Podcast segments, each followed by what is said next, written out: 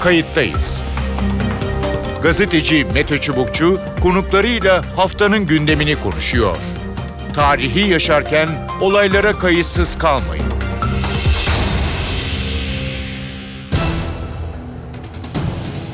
İyi günler bir kayıttayız programıyla daha karşınızdayız. Tarihe ışık tutmak ve olan biteni anlamak için önümüzdeki dakikalarda sizlerle birlikte olacağız. Ben Mete Çubukçu, editörümüz Sevan Kazancı. Kayıttayız da bu hafta bir araştırmanın sonuçlarını konuşacağız. Kadir Has Üniversitesi Türkiye, kamuoyunun güncel siyasal, sosyal, ekonomik ve güvenlik, kültür konularındaki gündemi ve tercihlerini tespit etmeye yönelik bir araştırma yürüttü. 26 şehirde yapılan araştırma 1000 kişiyle yüz yüze görüşmeyle gerçekleştirildi. Elde edilen veriler sonucunda halkın nabzı tutuldu. Çıkan sonuçlara göre en önemli sorun işsizlik ve hayat pahalılığı. Terör sorunu listede daha gerilerde yer aldı bu kez. Katılımcılara yöneltilen sorular arasında siyasal sistemden dış politikaya, sanattan farklı kimliklerle komşu olma isteğine kadar birçok alanda sorular yöneltildi. Ne yanıtlar alındı, çıkan sonuçlar ne ortaya koyuyor? İki isimle değerlendireceğiz.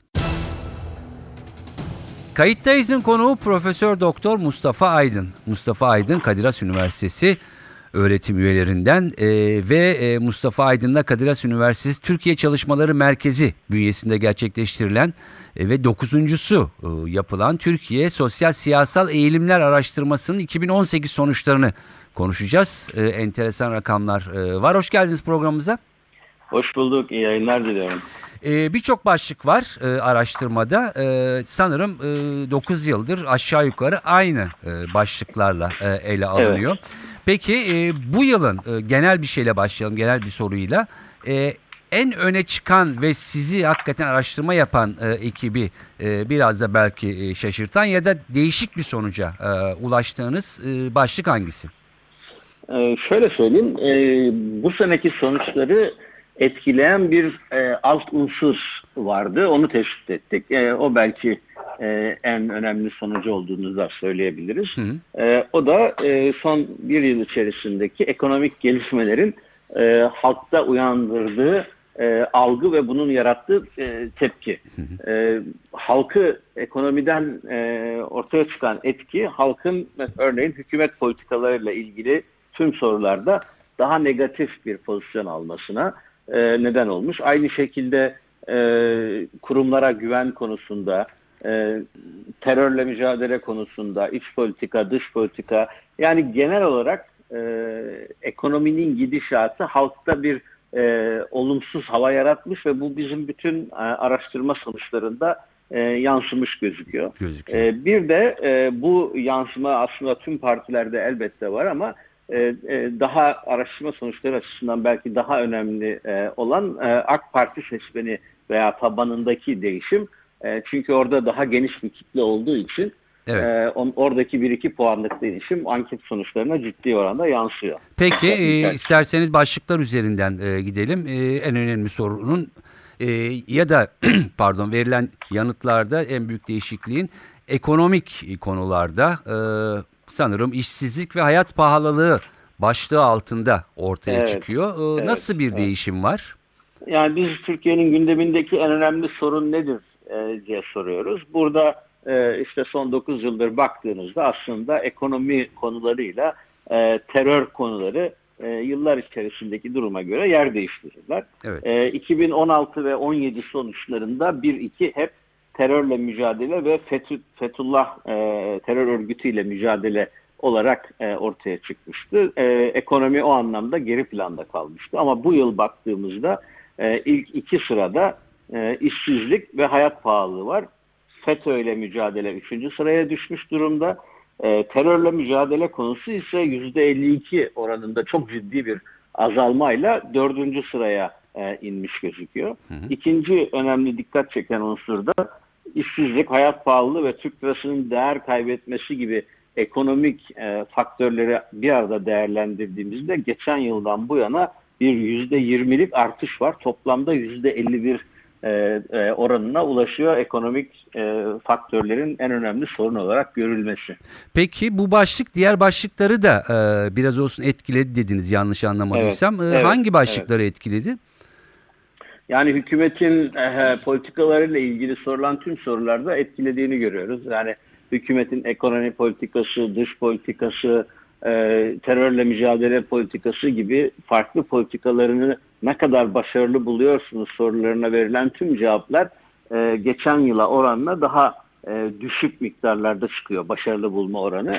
Biz bu neden oluyor diye baktığımızda işte bir mutsuz kitlenin ortaya çıktığı anlaşılıyor ve e, bu kitlenin de ekonomi politikalarından özellikle etkilendiği anlaşılıyor. Peki o iki başlığa da geçeceğim. Ee, Cumhurbaşkanlığı hükümet sistemini başarılı e, bulanlar e, sanırım yüzde 46.7 e, yanlış e, Evet. okumadıysam. Evet. E, E, pardon 41.4 41.4 e, başarısız bulanlar da 30.2 çıktı. 30 nokta. E, bu, bu rakam e, nasıl sizce? Yani bunu tabii ilk defa test ettiğimiz için ve Türkiye'de bu ilk defa test ediliyor. Yeni bir sistem.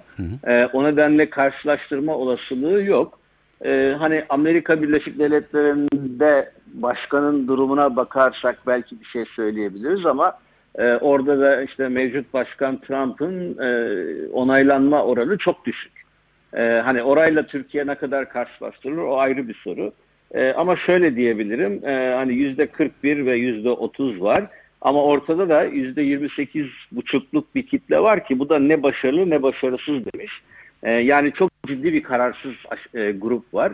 Henüz sistem tam oturmadığı için e, onunla ilgili görüşün de tam oturduğunu düşünmüyorum ben. Ee, o yüzden hani bunu çok fazla e, bir anlam atfetmemek belki önümüzdeki yılki sonucu görmekte fayda var. Fayda var. Peki e, yine o ilk e, başlıktan e, devamla e, Türkiye'de yaşamaktan mutlu olanların e, sayısı e, azalıyor o demişsiniz. Bu da e, bu son durumla e, mı ilgili? Evet tabii yani neden e, başka özel bir neden yok. Yani ge- geçen bir yıl içinde olan bitene baktığınızda bir iç savaş yok bu ülkede. Ee, ciddi bir e, siyasi gerilim yok. Orada mesela baktığınızda bir siyasi gerilimde e, düşme söz konusu ya da ülkenin savaşa girmişliği yok. Çok özel bir yani ne özel değişti diye baktığınızda aslında e, esas değişenin e, ekonomi olduğunu anlıyorsunuz, anlıyorsunuz. Dolayısıyla bu mutluluk konusu biraz bireysel olarak ekonomi açısından e, ne durumda olduğuyla alakalı kişilerin. Evet. E, peki bu başlıkta başka ekleyeceğiz bir şey var mı? Yani ekonomik kaynaklı ve devamında e, etkilenen başlıklar. Yani bu bence e, önemli e, çünkü e, mesela kurumlara güven konusunda da e, enteresan bir değişim var. Hı hı. E, orada da mesela geçen yıl e, özellikle 2016'daki darbe girişiminden sonra e, kurumlara güvende önce bir sarsılma sonra ciddi bir yükseliş olmuştu. Evet. E, 2017'de biz bir ciddi bir yükseliş tespit etmiştik. E, fakat bu sene tüm kurum, kurumlara güvende e, yine bir düşüş var. E, baktığınızda hani sistemsel kriz var mı diye baktığımızda ne bileyim bundan 3 yıl önceki ya da 5 yıl önceki kadar bir sistemsel kriz Türkiye'de hisset yok. Yani en azından biz araştırmacılar açısından böyle görüyoruz. E, o zaman bunun bir nedeni olması lazım. Yani tüm kurumları toplu bir şekilde düştüğü, niye düşüyor diye. E, bizim yine burada bulduğumuz şey genel mutsuzlukla e, veya genel huzursuzlukla alakalı bir durum olduğunu e, tahmin ediyoruz. Evet. E, hatırlarım eskiden e, en fazla e, güven duyulan e, kurum yanlış hatırlamıyorsam ordu çıkardı. Ordu evet. e, %67'den 60'tan e, geçen sene belki %51.2'ye e, düşmüş. Evet, evet. E, enteresan. Ordu aslında Evet, bir jandarma e, o onu e, nasıl yorumluyorsunuz? Yani jandarmaya güven art en çok güvenilen duygu.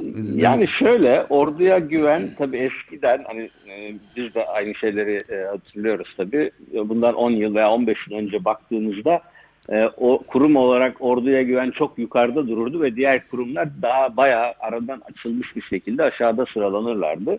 E, fakat bu işte Ergenekon ve sonra takip eden dava süreçleri e, ardından gelen bu e, darbe e, girişimiyle e, orduya olan e, destek veya güven e, ciddi miktarda sarsıldı. Aslına bakarsanız geçen yılki e, Suriye'deki operasyonlardan sonra e, askeri operasyonlardan sonra orduya güvende bir miktarda artış var.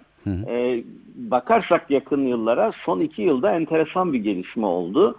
Biz jandarmayı e, hukuki yapısı değiştiği için son iki yıldır ekledik bu ankete tabii. E, ayrıca e, ölçüyoruz. E, son iki yılda güvenlik kurumları ilk üç sırayı alıyor. Evet. E, Yani eskiden ordunun bulunduğu ye- yeri şimdi e, ordu, polis ve jandarma birlikte e, bir anlamda işgal ediyor. E, güven miktarı eski, eski ordudan biraz daha düşük çıkıyor tabii ama e, yine de halk e, güven deyince herhalde kavram olarak e, güvenlik güçleri üzerinde odaklanıyor ve ilk üç sıraya e, jandarma, ordu ve polis bu yıl yerleşmiş durumda. E, geçen sene jandarma yine e, yanlış hatırlamıyorsam e, ikinci sıradaydı. E, burada bir değişim e, yok gözüküyor. Gözüküyor. Ama Peki- genel olarak baktığınızda hepsinde yani jandarma dahil bir, Bir düşüş. e, 10 puanlık aşağı yukarı 7-8 puanlık düşüşler gözüküyor. Evet. Dindarlık art- artarken muhafazakarlık azalıyor o, diyorsunuz. Ee, dindarlık nasıl artmış? Ee, muhafaz azalan muhafazakarlar nereye e, gidiyor? Şimdi o- orada bir hata yapmayalım. Şöyle e, bu. E, biz 2000 bu tabii siyasi yelpazedeki konumla alakalı bir soru. Kendinizi siyasi açıdan nasıl tanımlıyorsunuz diye soruyoruz. E, 2015'e kadar bizim bir dindar muhafazakar grubumuz vardı. Evet. Ee, bu dindar muhafazakar grubun içerisinde bir ayrışma olduğunu hissettiğimiz için 2015'ten itibaren dindar grubunu ayrı bir kategori olarak e, ortaya koyduk. E, dolayısıyla belki siyaset bilimi açısından bakılırsa buna e, siyasi İslam da denilebilir e, dünya literatürü açısından ama Türkiye'de siyasi İslam terminolojisinin e, bazı pejoratif anlamları var ve halkta yanlış algılamaya yol açabilir diye biz dindar dedik buna. Ee, böyle baktığınızda geçmişte dindar muhafazakar grubu içerisinde yer alan insanlar kendilerini şimdi dindar olarak ayrıştırıyorlar. Ee, böyle olunca muhafazakarlık çok hızlı düşmüş gibi gözüküyor. O nedenle biz değerlendirmeyi yaparken e, iki unsura bakıyoruz. Bir, bunlar tabii kendi içlerinde ne şekilde şekilleniyorlar. E, iki, toplamı ne şekilde şekilleniyor? Yani dindar muhafazakar toplamı nasıl? Ee, orada enteresan bir değişim var. Bu toplam ilk defa biz işte 9 yıldır yapıyoruz. Ee, bu toplam ilk defa bu yıl düşüş yaşadı. Ee, geçen sene %47.4'tü bu toplam. Bu sene %44.4'e Dörde düştü. e, inmiş gözüküyor. Bu önemli bir sonuç. E, ikincisi de e, dindar e, evet artmaya devam ediyor E, ve muhafazakar düşüyor. E, şuna baktık. Muhafazakarlardaki düşüş dindarlardaki artış kadar mı? E, burada muhafazakarlardaki düşüş dindarlardaki artıştan e, bir 3-4 puan daha fazla gözüküyor. Fazla gözüküyor. E, dolayısıyla bir e, bir grup insan e, muhafazakar gruptan ayrılmış ama kendini dindar olarak da tanımlanmıyor. Demek ki bunlar e, başka bir yerde de çok gözükmüyor. Diğer kimliklere baktığımızda hani milliyetçi sağ olarak bakınca milliyetçilik bir iki puan artmış ama tam olarak orada gözükmüyor. E, bu da muhtemelen e, yine bir anlamda e, bulunduğu konuma tepki gösteren ama e, kendisini ideolojik olarak ya da siyasi olarak henüz başka bir konuma da yerleştirmemiş bir grup Grup. insanın var olduğunu e, söylemek gerekiyor. Peki hocam son e, iki e, başlık ikisi de Türkiye'nin e, tabii ki yani espri makus talihini yenemediği konular. Kitap okuma, tiyatroya gitme, sanat faaliyetlerine e, katılma. Ankete katılanların %69 nok- 60.9 yani 61'i hiç kitap okumuyor. Ee, %81'e 2'ye yakını da hiç tiyatroya gitmiyor. Arada da başka e, faaliyetler de var. E, gazete okumayan Evet, vesaire evet, vesaire gibi. evet, E, genelde e, herhalde son 20-30 yılda da baksak e, belki artan bir eğilim mi var olumsuz anlamda ne dersiniz? Ee, yani evet şöyle e, burada geçen yıldan bu yıla bir artan e, olumsuzluk tespit ettik hafif miktarda. E, yani hani e, yüzde geçen sene yüzde 53'tü kitap okumuyorum hiç kitap okumuyorum diyenler. E, bu bu sene yüzde 61'e çıkmış durumda. Bir yılda yani zaten çok yüksek olan bir oranda bir yıldaki bu kadar artış e, muhtemelen ekonominin yine bir etkisi. E, insanlar gelirlerinde alım gücünde azalma olunca e, ilk kıstıkları yerler e, genel itibariyle bakarsanız bu tür bir anlamda hani tırnak içinde ifade ediyorum lüks gözüken şeyler. Yani önce kitap alımı, tiyatroya gitme vesaire gibi faaliyetler kısılıyor. İşte yiyecekten kısamazsınız. Giyecek biraz daha az kısılır E, te- vesaire. televizyondan da kısılmamış görüldüğü kadarıyla yüzde E, televizyon izlemek o 94'ü kadar- ya yüzde yüz neredeyse televizyon izliyor.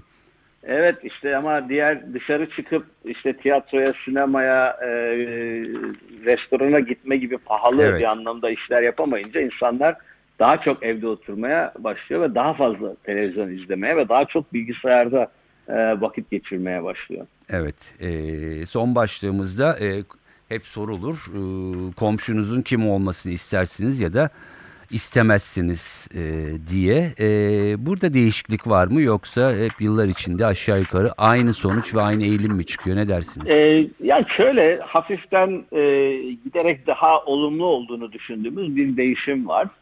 E, eskiden yani bu, bu değişim biraz böyle 15-20 yıllık süreçlere bakarsanız Evet. belki daha rahat ortaya çıkıyor. Ee, bizim anket tabii o kadar geriye gitmiyor ama başka anketlerdeki daha önceki yıllarda tespit edilmiş sonuçlar var. Ee, geçmişten daha bir e, ne diyelim daha hoşgörülü, daha kozmopolitik kozmopolit bir yapıya doğru evrildiğimiz e, gözüküyor. Ee, ilk bu rakamları verince genellikle e, negatif tarafa bakılıyor e, yorum yapan arkadaşlar. İşte e, örneğin e, bir örnek vermek Evet. gerekirse öğrenciyle komşu olmak isteyen yüzde 40.7 ise aa yüzde 60 istemiyor deniyor. E, bence e, okurken fikrim ya benim için önemli değil diyenler de dikkate alınmalı. Çünkü benim için önemli değil diyen o kişiyle komşu olmayı sorun yapmıyor demektir. E, meseleye böyle bakınca ve sadece istemem diyenlere bakınca aslında Türk toplumunun e, oldukça e, kapsamlı bir şekilde e, farklı kimlikleri komşu olarak kabul edebildiğini görüyoruz.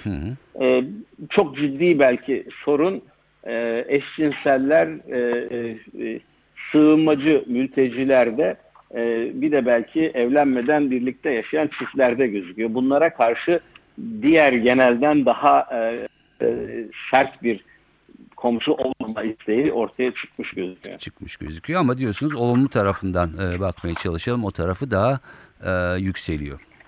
Evet. Peki. E, çok teşekkür ediyorum programımıza katıldığınız e, ve bu yaptığınız e, değerli çalışmayla ilgili görüşlerinizi paylaştığınız için. Rica ederim. İyi yayınlar. Sağ olun. Kayıttayız'ın konuğu doçent Barış Doster. Barış Doster Marmara Üniversitesi öğretim üyelerinden. Hoş geldiniz programımıza. Hoş bulduk. Teşekkür ederim. Yayınlar dilerim. Teşekkür ederim. Son e, yapılan bir araştırma var. Kadir Has Üniversitesi Türkiye Çalışmaları Merkezi tarafından e, yapılmış. Birçok başlıklar e, var. E, Türkiye'de e, insanların eğilimini e, bir şekilde ölçen, e, bize de e, belki biraz ışık tutan bir e, araştırma. E, şuradan başlamak istiyorum. Dış dünyayla biraz. E, araştırmanın e, sorularından birisi en tehlikeli ülke, en dost ülke gibi e, muhtemelen maddelerini biz görmüyoruz ama e, sonuçları e, var ve en tehlikeli ülke olarak Amerika Birleşik Devletleri e, çıkmış. E, ne dersiniz? E bu gayet doğal. Son derece anlaşılabilir. Hatta neredeyse kaçınılmaz diyebiliriz yani. ABD'nin gerek terör örgütü PKK, PYD'ye, gerek diğer terör örgütü IŞİD'e, gerek diğer terör örgütü FETÖ'ye vermiş olduğu, vermekte olduğu destek. E, Türkiye'nin çok uzakta değil, yakın geçmişte birkaç yıl öncesinde kanlı bir darbe girişimine maruz kalması, Orta Doğu genelinde ve Suriye özelinde ABD ile Türkiye arasında yaşanan çelişme elbette Türkiye'de kamuoyunda, toplumda ABD karşıtlığını da artırıyor. E, dost ülkeler arasında da Azerbaycan e, ilk sırada yer alıyor. Onu e, Kuzey Kıbrıs Türk Cumhuriyeti ve Pakistan e, takip ediyor. E, e, Bu buna- üçü de değişmez üçlüdür zaten. Hı. Azerbaycan'la hani sadece duygusal ya da sadece coğrafi değil, tarihsel, toplumsal, kültürel hatta dil anlamındaki yakınlığımız belli. Hatta yani sadece siyaset biliminde ya da dış politikada değil, günlük konuşma dilinde de Azerbaycan ve Türkiye için hani iki devlet, tek millet şeklinde bir tanım yapılır. E Kuzey Kıbrıs Türk Cumhuriyeti zaten malum. Hani kimilerinin kardeş dediği, kimilerinin yavru vatan demekte ısrar ettiği ama birebir bağımlılığının en güçlü olduğu devlet ve Pakistan'da tarihsel olarak hatta her iki ülkenin darbeci liderleri de dahil olmak üzere Evet. bir tarafta Ziya Ülhak, bir tarafta Kenan Evren dostluklarıyla öne çıkmış. E, yakın zamana kadar ordusuna hatta ülkeyi daha sonra yönetmiş olan siyasal ve askeri seçkinlere de Türkiye'nin ev sahipliği yaptığı, Türk Harbi Okullarında yetiştirdiği bir ülke. Dolayısıyla bu üçlü de klasik anlamda pek değişmiyor. Evet. Ee, şimdi e, bir takım hani ittifaklardan e, bahsedilmiş. E, o- 20'ye yakın Müslüman ülkeler öne e, çıkmış. Ama onu sormayacağım. E, NATO ile ilgili bir soru söz konusu. Yüzde 59'a yakın kesim Türkiye'nin NATO üyeliğinin devam etmesi gerektiğini e, belirtmiş. E, enteresan. Yani bir yandan Amerikan karşıtlığı yükseliyor ama NATO'ya destek sanki burada e, duruyor. İkincil olarak da AB ile müzakerelerine devam edilmesi gerektiğini belirtenlerin oranı da yüzde 49 yani yüzde 50 gibi bir rakam. E, Ne, ne dersiniz? Nasıl yorumlamalı bunları? Şimdi NATO'dan başlarsak NATO'ya eski sempatinin kalmadığı ortada. Çünkü bir zamanlar %70-80'lerdeydi. Ha o zamanlar belki soğuk savaş vardı, çok güçlü bir anti-komünist dalga vardı, çok kuvvetli bir SSCB, Sovyetler Birliği ürkütüsü vardı. Ama NATO'ya eski muhabbetin, eski hürmetin, eski sempatinin kalmadığı aşikar. Bu da çok normal çünkü NATO ABD ile özdeşleştiriliyor. Çok haklı olarak NATO demek ABD demektir şeklinde çok güçlü yaygın bir kanaat var ve çok anlaşılabilir bir şekilde NATO'nun ve NATO müttefiklerinin Türkiye'nin yakın çevresindeki meselelerde de hep karşı tarafta olduğu, diğer meselelerde de yani Kıbrıs sorunundan Yunanistan'la yaşanan gerilime kadar, sözde soykırım iddialarından işte ülkemizin Güneydoğu Anadolu coğrafyasındaki sorunlara kadar bütün konularda ABD'nin ve NATO müttefiklerinin hep taraf olduğu ve hep de karşı tarafta olduğu yönünde güçlü, yaygın bir kanaat var. Dolayısıyla NATO'ya ilişkin sempati bir miktar azalmış ama halen yüksek. Ha gelelim Avrupa Birliği'ne. E, Avrupa Birliği'nin sadece Türkiye'de değil, son yıllarda Avrupa Birliği'nin kendi içinde de eski cazibesi kalmadı. Bunun somut örneği AB içerisinde aşırı sağcı, ırkçı akımların, siyasal partilerin kuvvetlenmesi. Bu Belçika'dan Hollanda'ya kadar, Almanya'dan Avusturya'ya kadar AB'de hemen her ülkede görülen bir eğilim. İşte dikkat ederseniz Almanya'da iktidar blokunda yani merkez sağ ve merkez sol bloktaki onların büyük koalisyon dedikleri partiler dışındaki Alman parlamentosundaki ana muhalefet işte ırkçı bir parti. Evet. Yani AFD olarak anılan aşırı milliyetçi bir siyasal parti. Keza Türkiye karşıtlığı sadece dış politikada değil, ülkelerin iç siyasetlerinde de, seçimler öncesinde, seçim kampanyalarında da öne çıkan Türkiye karşıtlığı, sığınmacı karşıtlığı, göçmen karşıtlığı, Müslüman karşıtlığı, Türk karşıtlığı, hatta Erdoğan karşıtlığı. Ne derseniz deyin çok güçlü ve bu elbette Türkiye'ye de birebir yansıyor. Evet. Ama toplumsal bağlar üzerinden yansıyor. Ama yurttaşlarımız bunu medyadan takip ediyorlar. E, bir üçüncüsü Avrupa Birliği içerisindeki pek çok siyasal akım ve parti iktidara gelirse AB üyeliğine sorgulayacağını, ülkesinin AB üyeliğine karşı bir referanduma gideceğini söylüyor. E bunun da en önemli, en somutu ve en yakın kanıtı İngiltere'nin Evet. Brexit oylamasıyla AB'den çıkması. Çıkması. Şimdi bütün bunlar alt alta yazıldığında yani hem nesnel koşullar hem de Türkiye'nin öznel koşulları AB'yi de hani bir 10-15 yıl evvel olduğu gibi bir cazibe merkezi olmaktan çıkardı. Hı hı. Bir de şu var. Türk iç siyasetinde de memleketi AB'ye taşıyacağız esprisi, argümanı, söylemi, vaadi eski cazibesini yitirdi. Yitirdi. Yani bir zamanlar anımsayalım merkez sağın iki büyük, iki Gürbüz Partisi, Anavatan Partisi ve Doğru Yol Partisi arasındaki çok temel tartışmalardan bir tanesi AB meselesiydi. Evet. AB'ye Türkiye'yi kim taşıyacak? İşte biri diyordu ki efendim gümrük birliğine biz imza koyduk. Ülkeyi AB'ye biz taşırız. Sayın Tansu Çiller. Öbürü diyordu ki AB'nin yolu Diyarbakır'dan geçer. Sayın Mesut Yılmaz. Türk iç siyasetinde de seçim kampanyalarında da artık Türkiye'yi AB'ye taşıma vaadi eski esprisini, eski cazibesini, çekiciliğini yitirdiği için bence bu oranda pek şaşırtıcı değil. Değil. Peki.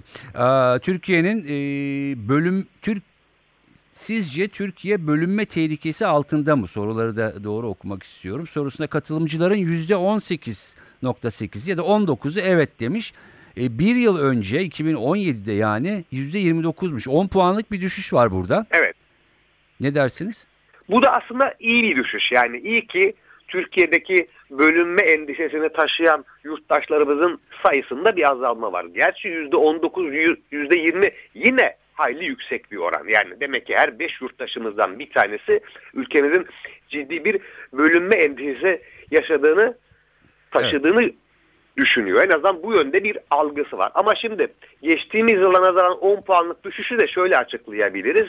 E, FETÖ'cü darbe girişiminin etkisinin artık bir miktar tamamen olmasa bile bir miktar azaldığını, yankılarının yansımalarının bir miktar azaldığını ve yine vatandaşın günlük somut kaygılarının ekonomi başta olmak üzere, enflasyon başta olmak üzere, hayat pahalılığı, işsizlik başta olmak üzere öne çıktığını gösteriyor. Zaten hemen hemen bütün anketlerde klasik üçte çıkan da bunlardır. Bunlardır, evet. Bir tarafta terör vardır, bir tarafta hayat pahalılığı vardır, bir tarafta da işsizlik vardır. Evet. Yani o bağlamda hani çapraz sorularla da teyit edilebilir ama terör ile bölünme kaygısını zaten birbirini beslediğini görüyoruz. görüyoruz. Son yıllarda yine hemen hemen bu üçlü hiçbir ankette değişmese bile hayat pahalılığı, enflasyon, işsizlik ve terör üçlüsü dördüncü sırada hemen bütün anketlerde öne çıkan Suriyeli sığınmacılardan kaynaklanan bir endişe. O yüzden hani toparlamak gerekirse Evet. evet bir düşüş var ama yüzde yirmi normal bir topluma, sağlıklı bir topluma, istikrarlı bir demokrasiye göre yine yüksek bir oran. Peki. Ee, Barış Toser çok teşekkür ediyorum yayınımıza Ben katıldığınız ve yorumlarınız için. Mersi. Evet yapılan araştırmanın sonuçları böyle. Kadir Has Üniversitesi 9 yıldır yapıyor ve en azından Türkiye'deki eğilimleri bir kısmını bu şekilde öğreniyoruz. Bu sene daha enteresan, daha farklı sonuçlar var. Sonuçta dünya değişiyor, Türkiye değişiyor. Ona göre insanların, kamuoyunun görüşleri de değişiyor. Ben Mete Çubukçu editörümüz Sevan Kazancı. Kayıttayız'dan bu haftalık bu kadar. Önümüzdeki hafta farklı bir konuda yeniden birlikte olmak amacıyla hoşçakalın. Kayıttayız. Gazeteci Mete Çubukçu konuklarıyla haftanın gündemini konuşuyor. Tarihi yaşarken olaylara kayıtsız kalmayın.